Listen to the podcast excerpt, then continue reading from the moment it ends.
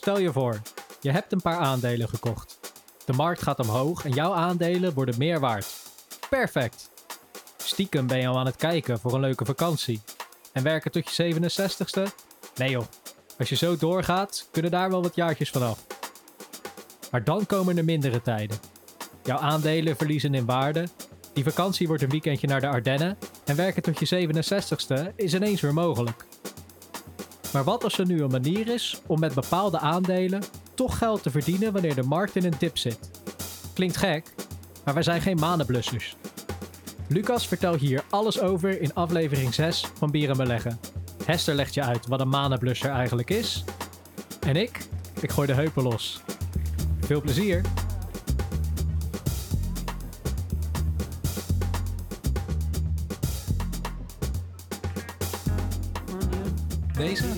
Ik wel heel erg... eh, Ja, maar daar, daar zie je het helemaal niet van. Had jij hem net ook aangezet daar? ja. Ah, oké. ik, dacht- ik dacht dat ik hem nog aan had laten staan van gisteren of zo, dus ik had hem al uitgezet. Ik hou niet zo Oeh, van ja, die, sfeer. die vind ik niet zo... eh Ik hou niet zo van sfeer. Zo'n kaarsje aansteken anders. Ja? Het is er, heb je ook een, heb je een kleedje of zo? Dat we allemaal een kleedje Jullie, jullie weten wel dat, dat we zeg maar dan niet meer luisteraars trekken, eh, vrouwelijke luisteraars, en die kunnen dat niet zien hè? Dat, ze horen alleen maar wat hier gebeurt. Eh, nee, moet je even een stekker erin doen. Nee, ja, we kunnen een... Even, we kunnen, even uit en aanzetten, opnieuw opstarten. Dit bier is echt verdomde lekker man. Dit is echt eh, het beste bier wat ik in tijd heb gedronken. Spaanse heup? Nee, nou, ik ging dus uh, Spaanse heupjes de sportschool is natuurlijk nog steeds dicht. Nu wij deze podcast opnemen. Ja. En ehm, toen dacht ik, nou, ik ga me gewoon aanmelden voor, voor Fit for Free eh, klasjes. Fit for free. Fit Ja, for Free. Ehm, en die hebben ook eh, BBB. Benen, billen, buik. Dat is superleuk. Leuke, eh, leuke lesjes. Alleen het ligt er echt aan wie het geeft, eh, wat voor soort les je krijgt. Dus de ene keer is het gewoon echt keihard benen en heb ik echt pijn. Maar toen had ik dus gisteren een eh, trainer en die, die hield zelf wel van dansen. En dan sta je daar dus als enige man met een, met een groep meiden om je heen. Nou Ja, dat, weet je, daar moet je eventjes doorheen, zeg maar. In het eerste Dat vind je niet verkeerd, toch? ja, nou, ja, je voelt je wel een beetje ongemakkelijk in het begin. En op een gegeven moment ging hij dus ook echt super snel allemaal danspasjes achter elkaar doen. Benen links, heup naar buiten draaien. Benen rechts, heup naar buiten draaien. hij, nadenken. hij vroeg het ook op een gegeven moment van ja, ben jij, eh, ben je een beetje soepel in de heupen? En ik stond hem aan te kijken van doe het niet, doe het niet, alsjeblieft niet. En zegt oké, let's go, dan gaan we 3, 2, 1. Heup links, heup rechts. Ja, maar dit is BBBB. Bas, benen, billen, buik. Ja, inderdaad. Nou, Nou. het is, eh, gaat Ja, het we moeten goed, gaan beginnen zo, hè? met het We moeten gaan beginnen inderdaad. Ja. Ja? Ja, de, ko- de koffie is in ieder geval over de vloer verspreid. Oh, wat doen ze nou bij uh, Wolf of Wall Street? Mm. Dat. Nee, verder is dit ook een podcast voor vrouwen hoor. Dat is eh, prima. Kom op, Wolf of Wall Street is van jullie die... elk eh, gender een fantastische film. Ja, oké. Hey, maar we gaan vandaag gaan we voortborduren op eh, eigenlijk twee dingen die Lucas heeft gezegd in de vorige podcast. En dat is de beleggingsblunder van vorige week. Wat heb ik gezegd dan, Bas? Wat heb je gezegd? Je hebt gezegd dat je niet niet moet beleggen.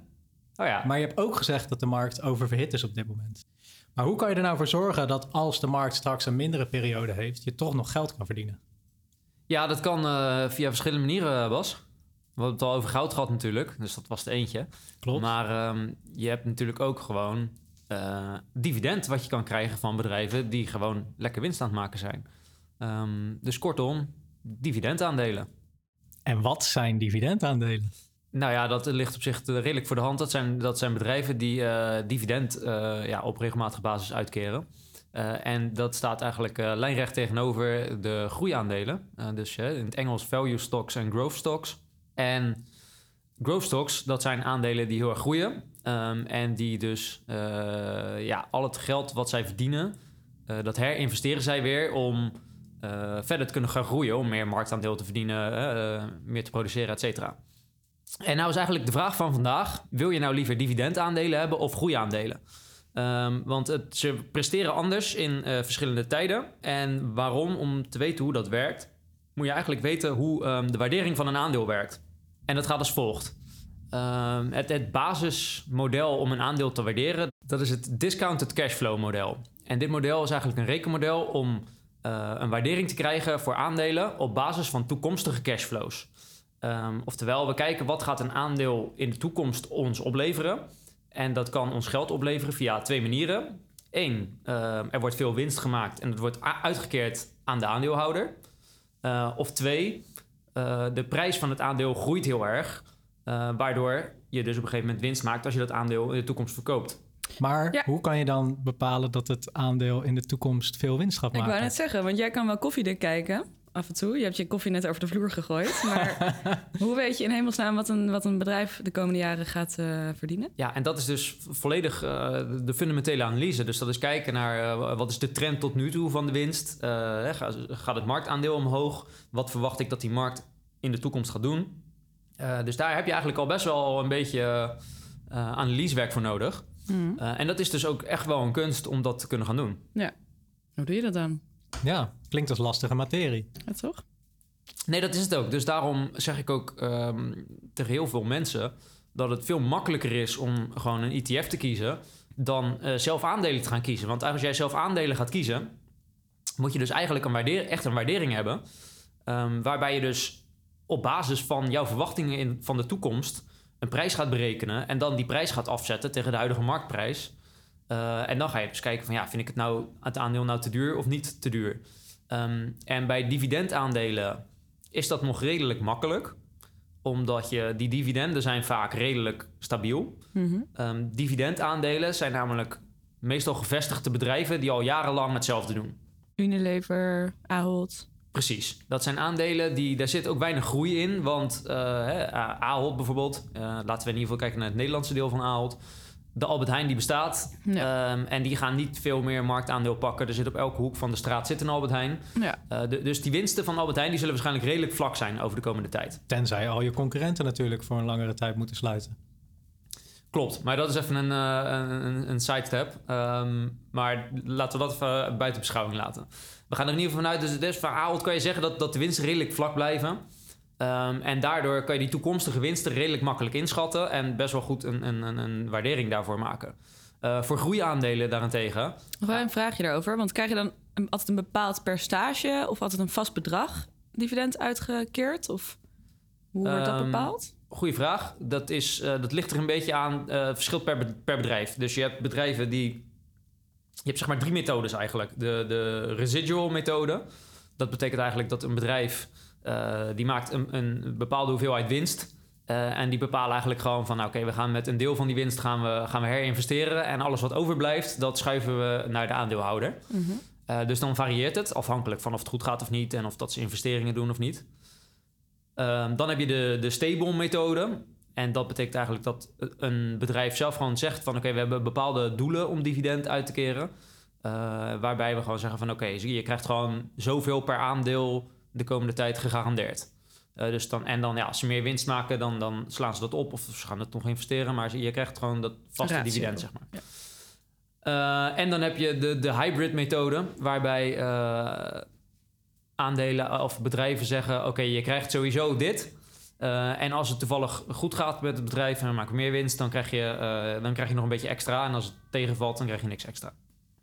Want waarom zouden ze dat niet herinvesteren dan? Waar- waarom, wat is voor hun de baat van het een beetje extra geven aan de aandeelhouders? Ehm, nou, ze kunnen natuurlijk twee dingen doen eh, als ze winst hebben. Ze kunnen, ehm, ze kunnen dus uitkeren en eh, ze kunnen het ook herinvesteren. Maar als ze het gaan herinvesteren, dan eh, moeten ze wel iets, iets hebben om in te herinvesteren. Want ja, als ze geen winstgevende investering hebben, Mhm. zeg maar Ahold kan nu wel ineens eh, zeggen van ja, eh, ik ga een discotheek openen met dat geld. Maar dat zou natuurlijk heel logisch zijn. Als er gewoon, ja, er zit op elke hoek van de straat zit al een, een, een Albert Heijn. Dus ze kunnen eigenlijk niet meer herinvesteren op dat moment. Maar in principe, als je het weggeeft aan je aandeelhouders, is het, is het ook gewoon weg. Of, of heb, heb je dan ook de hoop dat je steeds meer aandeelhouders krijgt of behoudt? Eh, nou ja, dat tweede stuk wat je zegt, dat klopt eigenlijk wel. Ehm, het zit namelijk zo, in principe heb je gelijk. Ehm, als ze dat geld eh, laten staan, ehm, ja, dan houden ze het gewoon zelf. En eh, als ze het uitbetalen, dan moeten ze ook nog eens dividendbelasting erover betalen. En dat is zowaar nog meer belasting dan als ze belasting moeten beta- betalen over de koerswinst. Maar die aandeelhouders die willen graag dividend hebben. Eh, en waarom het bedrijf het uitbetaalt, Eh, heeft twee redenen. Eén, het staat inderdaad gewoon te versloffen en niks te doen op die balans. Eh, en daar staat het gewoon dus weg te kwijnen tegen die inflatie waar we het eerder over hebben gehad. Ehm, maar het belangrijkste is dat ze het uitbetalen omdat ze een signaal willen sturen naar de markt en naar de aandeelhouders. Ehm, en dat signaal is een signaal van sterkte. Ehm, van ja, we hebben afspraken gemaakt, we betalen dividend uit. en dat doen we dan ook netjes. Dus dat laat zien dat het goed gaat met het bedrijf. Uh, en dat signaal is goed voor de markt ook, omdat uh, mensen die zien dat het goed gaat met het bedrijf, uh, die gaan het aandeel ook kopen. Dus zodoende ja, wordt de, de koers van het aandeel ook ondersteund. Oké, maar we zijn nu wat dieper ingegaan op de dividendaandelen. Ehm, maar wat is nu de link met de groeiaandelen? Ja, we waren dus bij dat discounted cashflow model. En dat gaat, die, die toekomstige winsten. En dat hebben we dus één, de dividend. Uh, en twee, de, de groeiaandelen. En daar zeiden we van, de dividend is redelijk makkelijk te berekenen. Hè? Dat is het voorbeeld. Want we weten dat uh, die, die verdiensten zijn redelijk uh, stabiel over tijd. En bij groeiaandelen, daar ligt dus eigenlijk... die maken nu of nog geen winst... of ze maken wel winst, maar ze herinvesteren dat nog... in de hoop binnenkort meer winst te gaan maken. Het beste, bekendste voorbeeld is natuurlijk Tesla... Tesla heeft tot en met 2020 uh, eh, vooral verlies gedraaid. En ze maken nu wel winst, maar uh, ja, dat wordt allemaal nog geïnvesteerd om in de toekomst meer winst te maken. En het is dus wel heel moeilijk om te voorspellen hoeveel auto's Tesla verkoopt over 10 of over 15 jaar. En vervolgens ook, ja, hoe, hoe ontwikkelen de kosten zich van het maken van een elektrische auto? Dat is nu heel erg duur. Uh, hoe ontwikkelt zich die markt met uh, de, de verhouding tot, tot andere autobedrijven?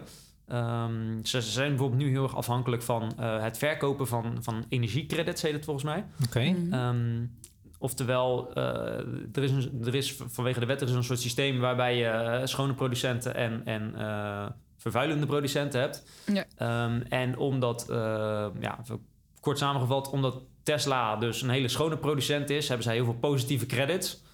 Uh, en die credits kunnen zij zeg maar weer verkopen aan bijvoorbeeld uh, Volkswagen, zodat die allemaal vieze diesels kunnen maken en zodat die, die zich aan die wet houden, zeg maar. Uh, de, maar daar verdienen zij heel veel geld aan. Okay. Nou, hoe ontwikkelt dat zich over de tijd? Al dat soort dingen, daar moet je ja, rekening bij houden bij bijvoorbeeld Tesla. Dus dat is heel moeilijk waarderen. Um, ja. Maar kan Tesla ook besluiten om die credits uh, zoals jij ze noemt, niet te verkopen aan Volkswagen? Want het is natuurlijk heel raar dat je als bedrijf als doel hebt om hele schone auto's te maken, maar dan vervolgens wel zegt: ik wil wel geld verdienen aan een andere uh, automaker die dus vieze auto's wil maken. Ja, dat is heel krom, maar zo werkt, uh, zo Ja, werkt, de, zo werkt de wet uiteindelijk. De, wet is bedoeld om, hè, die wet is bedoeld omdat eh, dat het hele land of de hele wereld zich aan een bepaalde, volgens een bepaalde, een totale bepaalde uitstoot heeft. Ja. En omdat die bedrijven onderling optimaliseren, eh, daarom kom je precies op dat punt uit. Maar het is wel heel scheef inderdaad, want daardoor eh, wordt al het goede wer- werk van Tesla een beetje teniet gedaan. Ja, dat Ja. zijn CO2-certificaten. Dat is, Ja. De energiewereld Ja. is echt een eh, vak apart. Nou, moeten we daar nog een aflevering aan wijden? Ja, later. ik denk aflevering 99.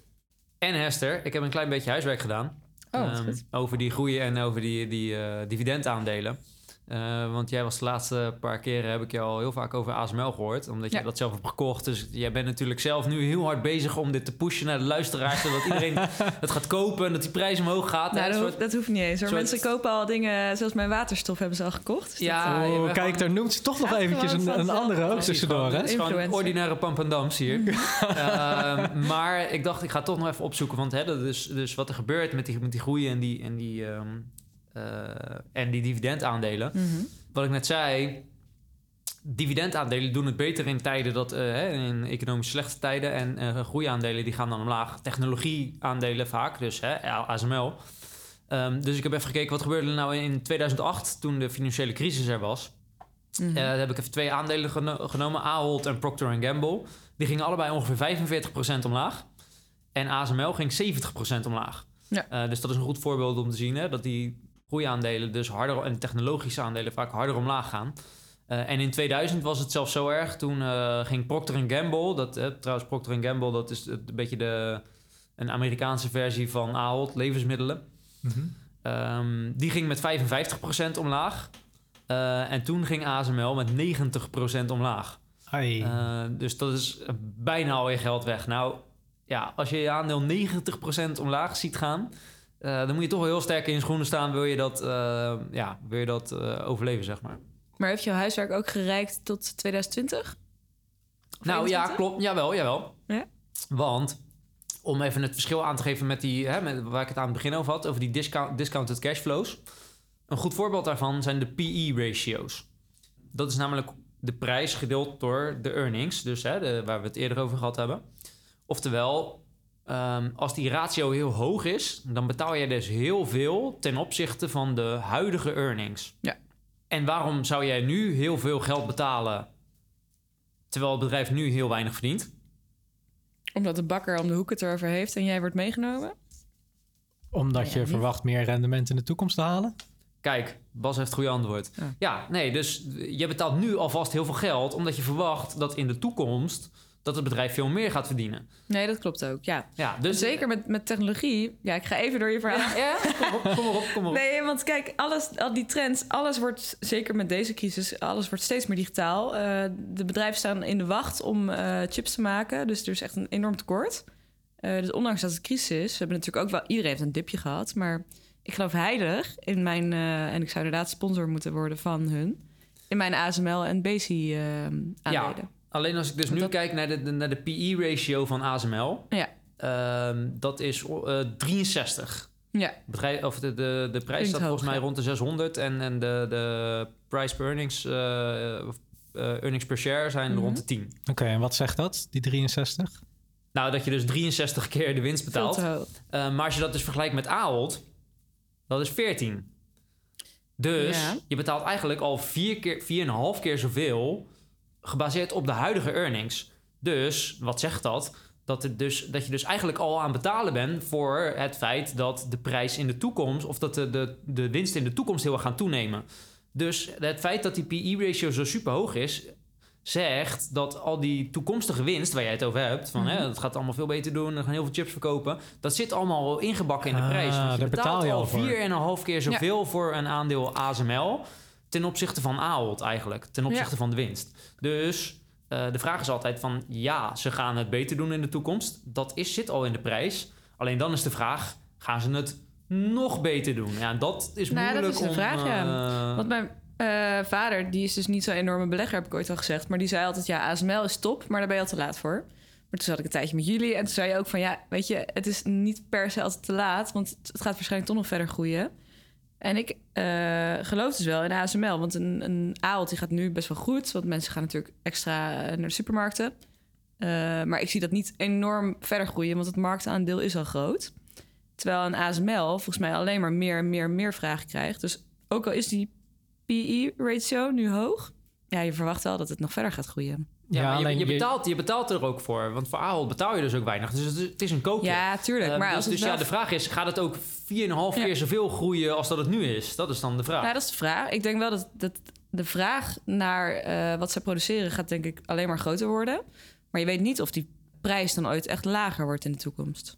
Nou ja, dat, dit, zijn dus de, dit zijn dus de afwegingen die je moet gaan maken. Alleen Maar- het, is dus simpel, het is dus te simpel, naar mijn mening, om te zeggen van... oké, het gaat groeien in de toekomst, dus ik moet het kopen. Ja. Nee, je moet ook kijken naar de prijs. Ehm, en ja, inderdaad... zijn nog, eh, dan, sim- simpele beleggers nog. ja, En die, die PE-ratio, ehm, want jij hebt nu natuurlijk je huiswerk gedaan, maar ehm, zijn er misschien sites waarmee je kan, makkelijk kan zien eh, of een aandeel of een bedrijf hoog staat in de PE-ratio? Hmm.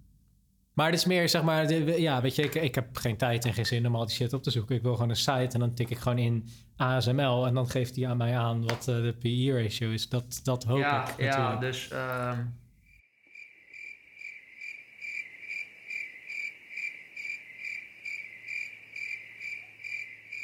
Ik heb zelf even zitten googlen van... oké, als je nu zoekt hè, op... eh, er zijn vast wel sites, maar ze zijn best moeilijk te vinden via Google ook. Eh, wat ik eigenlijk zelf altijd gewoon doe, is ik google gewoon wat de earnings zijn. Dus ik zoek gewoon een bedrijf, eh, ASML Financials. En daar staat gewoon de earnings per share. Eh, en dan ga ik vervolgens ga ik naar TradingView. Dan kijk ik, zoek ik de prijs op. Eh, en die twee deel ik op elkaar. Eh, hè? Dus dat Ja. is... Maar googlen is wel serieus een kunst, hè? We hebben op ons werk ook de Go Fucking Google It Award. Mhm. Want met googlen kom je echt een heel eind. Let me google that for you. Je Ja. eh, Ja, ja, ja, zeker weten. Maar dan moet je het dus wel even doen. Terwijl ja, ik, ik ga dat dan dus niet echt doen.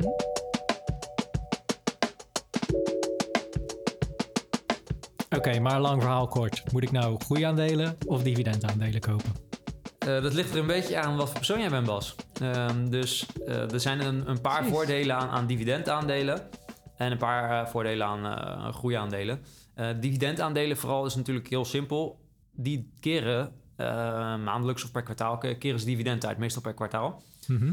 Ehm, dus het is, als jij bijvoorbeeld bijna met pensioen bent, ehm, ja, dan is het heel fijn om dividendaandelen te hebben, want dan kan je dat gewoon gebruiken om je boodschappen van te gaan doen. Ja. En eh, als jij groeiaandelen hebt en je bent met pensioen, dan moet je iedere keer moet je gaan zitten te timen van oké, wat is nou de beste tijd om mijn groeiaandeeltjes te verkopen? Ja. Ehm, want dan kan ik dan vervolgens even een paar aandeeltjes verkopen en dan mijn boodschappen daarvan gaan doen.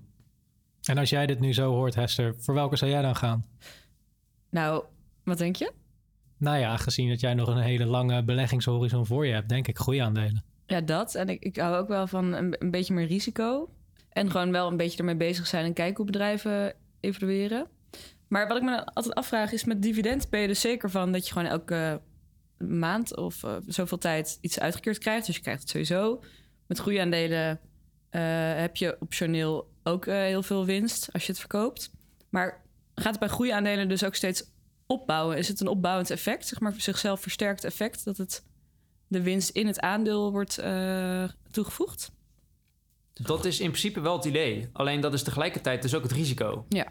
Want je gaat er dus vanuit dat dat bedrijf maakt zelf de keuze of dat ze dividend uitbetalen of dat ze het herinvesteren. Mhm. En ja, ze gaan het herinvesteren als ze denken dat ze daar meer winst mee kunnen maken. Eh, ja, alleen de, de vraag is dus ook of dat daadwerkelijk gaat gebeuren. Want dat is dus altijd wel hè, een investering en dat moet altijd nog maar wel, het moet wel gaan gebeuren. Dus als een bedrijf zegt, ja, wij gaan geen dividend uitkeren omdat we gaan uitbreiden naar, eh, naar China of naar Zuid-Amerika.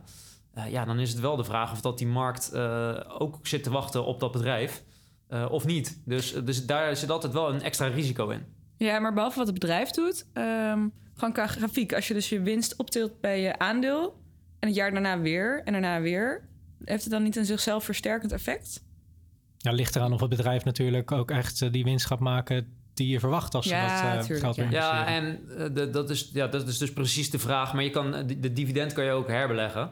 Ja. Ehm, waardoor je dus uiteindelijk... Hè, dan moet je die twee dingen moet je tegen elkaar afzetten.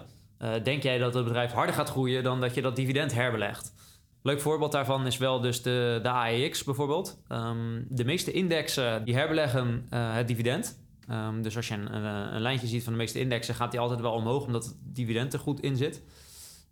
En eh, de AEX, daar heb je een, een variant van de AEX GR. Die doet het herbeleggen. En de normale AEX doet de dividend uitkeren. Mhm. Ehm, en als je dus ziet hoe, dat, hoe die twee zich verhouden. De AEX GR, die is, ze zijn ooit op 100 punten begonnen, ergens in eh, 1983. Ehm, en die, de normale AEX staat nu op 552 punten, terwijl we het, eh, deze podcast opnemen. En de AEX GR die staat op 1837.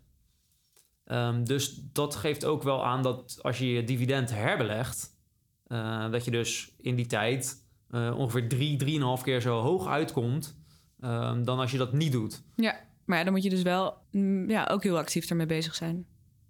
Klopt. eh, of dus gewoon een, een, een, een eh, ETF kiezen waarbij dat automatisch wordt herbelegd. Oké, maar waarom zou je dat dan in godsnaam niet doen? Eh, ja, omdat je dus het geld nodig zou kunnen hebben. Eh, dus, dus ja, dat ligt er een beetje aan wat voor type belegger je bent. Eh, alleen je moet dus wel eigenlijk, moet je dus die tweede, die GR, eh, die moet je eigenlijk vergelijken met een groeiaandeel. Want die moet net zo snel, snel stijgen als dat jij dat dividend herbelegt. Ah, En nu jij dit hoort, Bas, wat, wat, eh, wat zou jij doen? ik zou voor een beetje van beide gaan. Ja, nee, ik zou dan echt eh, Spreiden. risico spreiden. Ja, klopt. Ja, jullie hebben eigenlijk nog niet de belangrijkste vraag gesteld. Oh, Wat is de ik. belangrijkste vraag? Ja, Hester stelde hem een beetje, een beetje half. oh. Ja, welke eh, aandelen presteren nou? Als je dit, al deze dingen in ogenschouw neemt, welke aandelen presteren dan beter? Ja. De algemene regel is een beetje dat groeiaandelen het beter doen in, in eh, economisch goede tijden. En eh, dividendaandelen doen het beter in slechte tijden. Nou ja, dat is dus precies de reden waarom ik zou spreiden. Want dan heb je in ieder geval in goede tijden heb je winst. En in slechte tijden heb je alsnog wat dividend wat je binnenkrijgt. Heel veilig, ja. Hij kijkt er heel tevreden en trots bij.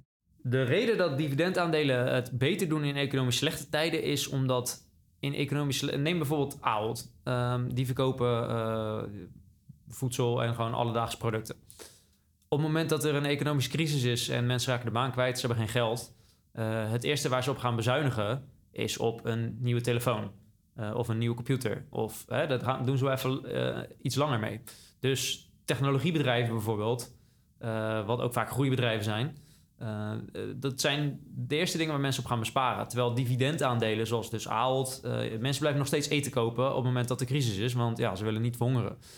Eh, Shell bijvoorbeeld, die betaalt eh, de dividend uit, omdat ze, hè, dat is ook echt een dividendaandeel, die zijn al jarenlang, eh, ja, het is gewoon gevestigde orde en die kunnen niet verder uitbreiden, dus die betalen dividend uit. Ehm, als er crisis is, moeten mensen nog steeds tanken, want ze moeten wel nog steeds gewoon van A naar B. Ehm, dus dat is de reden dat die aandelen ehm, het redelijk relatief goed doen in tijden van, van crisis. En dus ook dividend a- uitbetalen aan mensen. En omdat ze nog dividend uitbetalen, en dan komen we eigenlijk naar, de, het begin van de, van de aflevering. Omdat zij dividend uitbetalen, ben je dus terwijl alle aandelen naar beneden aan, het gaan eh, zijn, krijg je nog steeds gewoon netjes winst. Terwijl eh groeiaandelen, ja, die gaan op dat moment alleen maar naar beneden. Eh, en alle winst, hè, volgens dat discounted cashflow model, van groeiaandelen zit hem in het feit dat de koers hoger wordt. Ja, als de koers alleen maar naar beneden aan het gaan is, ben je alleen maar verlies aan het leiden op dat aandeel. Ja. Dus gaan, gaat iedereen dat verkopen en gaan ze aandelen kopen waarbij ze in ieder geval gegarandeerd een dividend krijgen elk kwartaal. Mhm.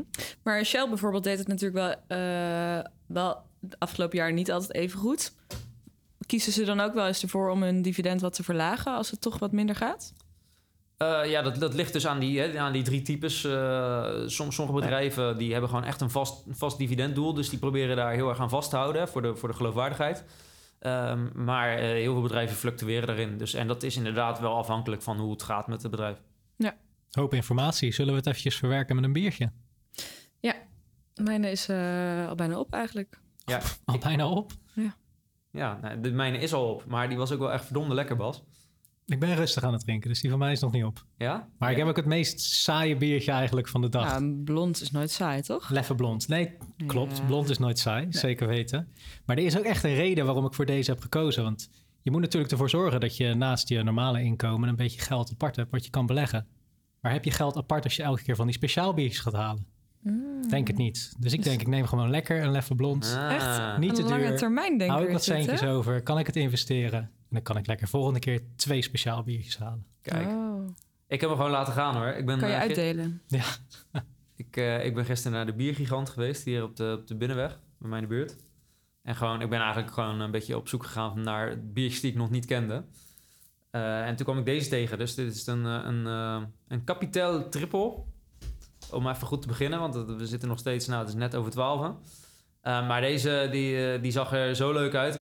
Er staan vier van die monniken op, in, weer, weer in zo'n eh, in zo'n mooie bruine jurk. Ja. En die gasten, ze zien eruit, de een op een baard, de ander is kaal. Ze zien er, maar ze zien er echt verdomd gezellig uit, alsof het dorpsfeest is, zeg maar. Ja, die, die gasten, die, ze zagen er zo blij uit. Ik dacht, die moet ik hebben. Maar er is dus iets aan, aan oude mannen in een jurk... wat voor jou ervoor Ja, zorgt dat je denkt... Ja. dit Of- is iets wat ik moet hebben. Of Ja. Jort Kelder of oude man in een jurk. Ja. Dat Ja. zijn jouw eh, voorbeelden. Ja, Jort Kelder begint ook al een oude man te worden. In een jurk. Nu nog een jurk Ja, bretels meestal, bretels. Oh. Maar dat is ook best wel sexy. Nee, maar eh, het, zag er, het zag er zo gezellig uit. Ik dacht, ik moet hem hebben. En hij is ook echt, echt verdomd lekker. Dus eh, ik heb hem al op. En ik ga zo een nieuwe pakken. Je hebt er nog eentje?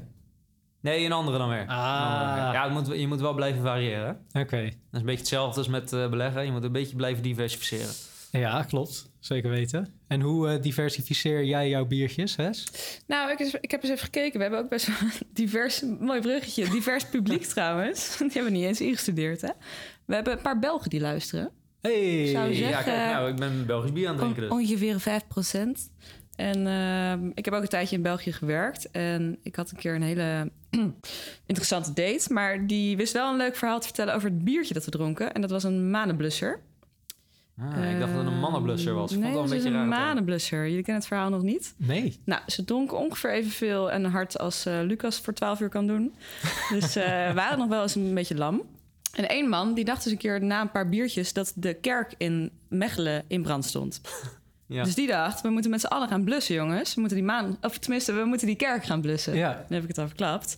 Want wat bleek nou? Hij was eigenlijk gewoon zo lam dat hij niet op had gemerkt dat die kerktoren niet in brand stond, maar dat het gewoon de maan achter de kerk was. Oh. Die het licht eroverheen... eh, En, en daarna is dat biertje vernoemd. Naar die Daar is dat biertje naar vernoemd. Ehm, ja, het was, het was in de Gouden Eeuw, zag ik net. Dus misschien dat mensen zich een beetje te heldhaftig eh, voelden. Dus het, het is misschien net een beetje als beleggen. Mensen kunnen soms een beetje, eh, ehm, ja, Beetje overmoedig worden. een beetje overmoedig worden, inderdaad. En ja, dan zie je ineens dingen die er niet zijn. Ja, Ja, voor, precies. voor het weet sta je lam tegen een kerk aan te pissen. Ja, dus Dat, dat, dat is wel een beetje tekenend voor mijn beleggingsrekening soms. Dus eh morgen, jongens. Ja, cheers. Nog maar een biertje dan, toch? Ja, ik moet het niet halen, jongens. Wacht even hoor, even pauze. Ja. Joe.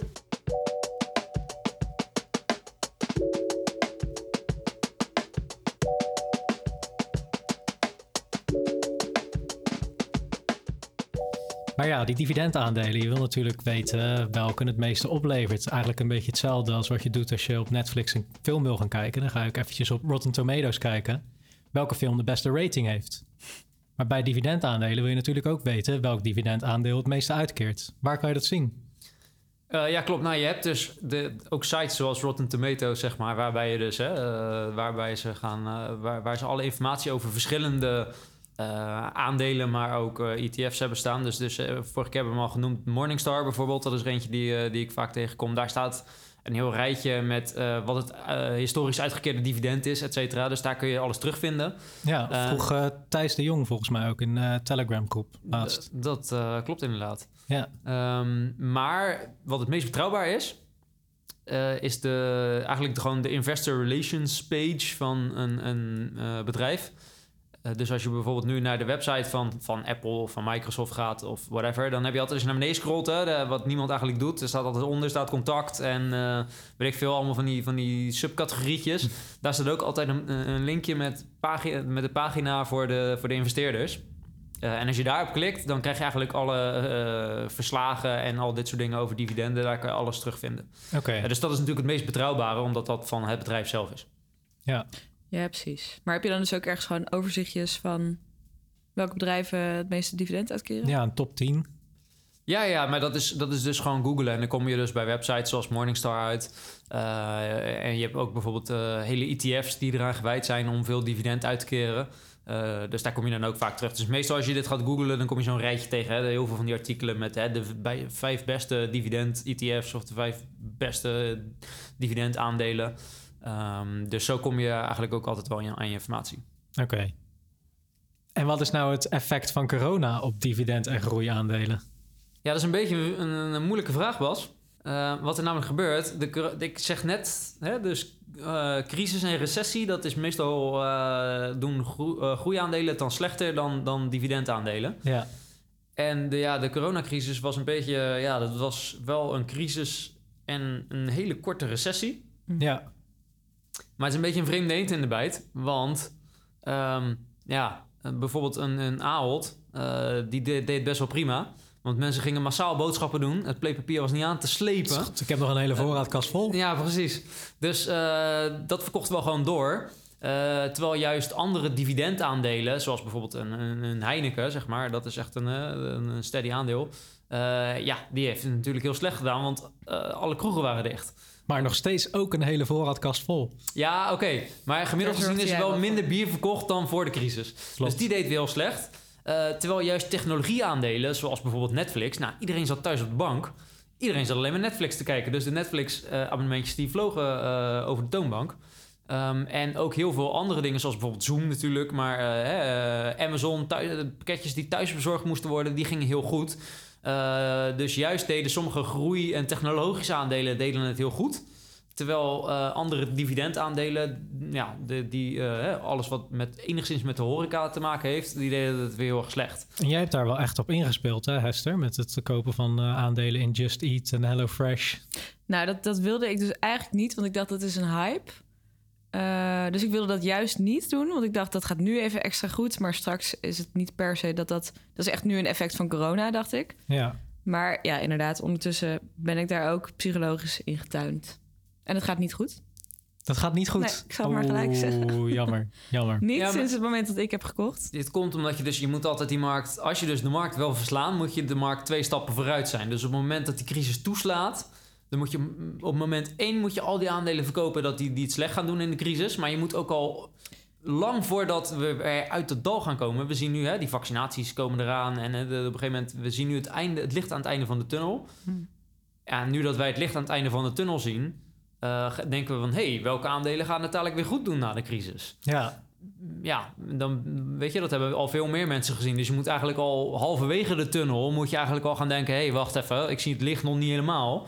Maar er gaat dadelijk Ja. licht komen aan het einde van de tunnel. En dan moet je aandelen kopen die het na de crisis weer goed gaan doen. Ik dat- wilde vorig jaar maart al beginnen, maar toen, toen heb ik eerst met eh, jou aan dit, dit concept gewerkt. Dus toen was ik al te laat. Hmm. Maar nee, ik wilde inderdaad die, die, juist die corona-gerelateerde stijgingen wil ik niet in instappen. Maar je blijft een beetje vatbaar voor, ja, weet ik niet, psychologie. eh, ja, maar dan is het toch super tof dat we nu deze podcast hebben en onszelf en ook andere mensen alvast kunnen voorbereiden voor het geval dat zoiets weer gebeurt. Nee, maar het, is weer terugkomen bij het FOMO-verhaal, zeg maar. Als je op een gegeven moment heel veel mensen met het idee hoort...